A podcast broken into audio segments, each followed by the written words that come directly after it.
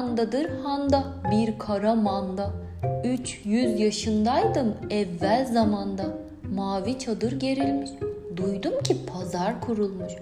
Vurdum karıncaya palanı, sardım sırtına 88 çuval soğanı sarımsağı.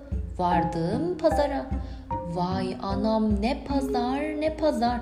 Dünya kadar insan gezer. Kırlangıçlar terzi, köpekler kalaycı. E inanır mısın tilkiler de tüccar. Buldum kendime bir köşeye başladım işime. Soğan sarımsak satarken terazimin kolu kırıldı. Başka taraflara bakarken kurbağam kanatlandı gitti yenisini getirmeye. Sincap çıktı çardağa, çat yerleşti bardağa. Masaldır bunun adı, dinlemekle çıkar tadı. Bir varmış bir yokmuş. Zamanlardan bir zaman yaşlı bir nenecik ve bir de keçisi varmış. Nenecik her sabah uyanır, yüzünü yıkar, hemen keçisinin yanına gidermiş. Taburesini yavaşça çeker. E yavaş çünkü nene de yaşlı. Oturur yavaş yavaş. Fişt, fişt, keçisinin sütlerini sağarmış. Sonra onu sever, okşar, yemini suyunu verir. Sütlerle birlikte düşermiş yollara. Az gider, uz gider, dere tepe düz gider. Mavi çadırlı bizim pazarda sütlerini satar geçimini sağlarmış. Ben de ondan duydum bu hikayeyi. Günlerden bir gün tam da nineciğin keçi sağdığı bir sabah vakti oradan geçen bir tilki önce keçiyi sonra nineyi sonra da kovadaki sütleri görmüş. Ağzının suyu akmış. Karnı da çok acıkmış. Gizlenmiş bir köşeye başlamış sinsi sinsi izlemeye. Ninecik her zamanki gibi sütlerini sağmış. Kovayı da bir kenara koymuş. Keçisini sevmiş, okşamış.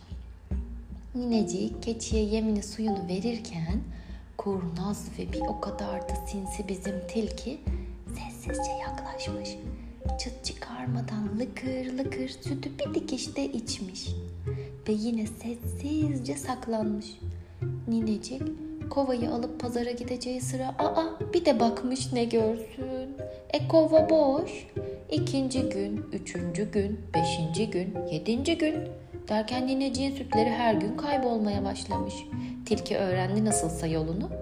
Ninecik yaşlı, ton ton ama pek de akıllıymış. İşin aslını öğrenmeye karar vermiş. Yoksa bu gidişle kendisi de aç kalacakmış. Bir sabah sütü sağmadan önce kovasına kara, yapışkan, vıcık vıcık bir zift sürmüş. İçine sütü her zamanki gibi sakince fişt fişt sağmış. Sonra tilki sinsi ve sessizce yaklaşıp sütü içmiş. Tam arkasını dönmüş gidecekmiş ki eyvah kuyruğu kovaya yapışmış. Ve tilki giderken kuyruğu kopmuş, kovada kalmış. Tilkinin yakalanmamak için kuyruğunu orada bırakıp gidivermiş. Diğer tilkilerin yanına gittiğinde bizim tilkiyi görünce onlar da ''Aa şuna bakın gollu olmuş ya bu'' diye gülmüşler bizim tilkiye. Çok utanmış, çok üzülmüş. Bir gün, iki gün derken bizim tilkinin adı Gollo kalmış. O da bu Gollo adına bir son vermek için düşünmüş, taşınmış.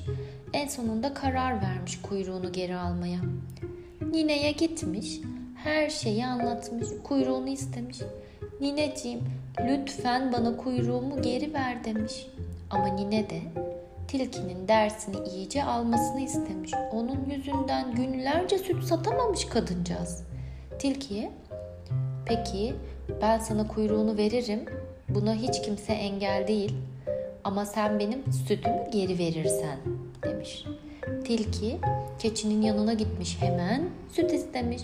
Ey tatlı keçi lütfen bana biraz süt verir misin? Götürüp nineye vereyim o da kuyruğumu bana geri versin. Keçi de tilkiye Me bana bir şey bana bir yaprak ver. Ağaçtan bir yaprak alıp ver ki onu yiyeyim ben. Sana süt vereyim. Sen de sütü götürüp nineye verirsin. Ondan kuyruğunu geri alırsın demiş. Tilki peki demiş, hemen ağaca gitmiş. Ağaç tilkiye, eğer bana su verir, beni sularsan, ben de suyu içer sana yaprak veririm. Onu keçiye götürürsün. Keçi sana süt verir. Sütü götürür nineye verirsin. O da kuyruğunu sana geri verir demiş. Tilki peki demiş. Hemen koşmuş suya gitmiş. Su tilkiye çiftçiye söyle gelsin beni tutsun götürsün ağaca versin. Böylece ağaç sana yaprak verir. Sen yaprağı keçiye götürürsün. Keçi sana süt verir. Sütü götürür nineye verirsin. O da kuyruğunu sana geri verir demiş. Peki demiş tilki. Biraz yorulmuş çiftçiye gitmiş. Çiftçi tilki hmm, karnım şu an çok aç. Bana bir yumurta getirirsen onu yer doyarım. Sonra belki kalkar ağacı sularım. Ağaç sana yaprak verir. Sen yaprağı keçiye verirsin. Keçi de sana süt verir. Sen de sütü nineye verirsin. O da sana kuyruğunu geri verir demiş. Tilki yorgun, bitkin, peki demiş çaresiz. Çiftçiye ve gitmiş tavuğa. Yumurta istemiş. Ey tatlı tavuk, bana yumurta verir misin lütfen? Kuyruğumu almak için onu çiftçiye vereceğim. Çiftçi de bana su verecek. Ben de suyu ağaca verip yaprak alacağım.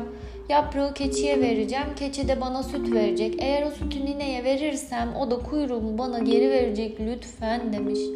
Tavuk dönmüş tilkiye. Bak bak bak bak. Bana buğday verirsen ben de sana bir yumurta veririm belki demiş. Tilki de koşmuş değirmenciye. Tavuk için buğday istemeye.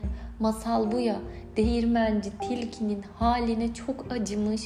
E pekala baş üstüne ben sana biraz buğday vereyim yazık haline perişan olmuşsun demiş. Tilki teşekkür ede ede almış buğdayı, koşmuş tavuğa vermiş. Tavuk hemen tazecik bir yumurta yumurtlamış ve tilkiye vermiş. Tilki yumurtayı almış, koşa koşa çiftçiye götürmüş. Çiftçi yumurtayı yemiş, bir güzel doymuş. Kalkmış oturduğu yerden gitmiş ağacı sulamış. Ağaç sulanınca keyfi yerine gelmiş. Tomurcuklar yapraklar açmış. Ağaçtan biraz yaprak alan tilki koşmuş onları keçiye vermiş. Keçicik taze yaprakları yiyince memeleri hemen süt dolmuş tilkiye süt vermiş. Sütü sevinçle alan tilki nineye koşmuş.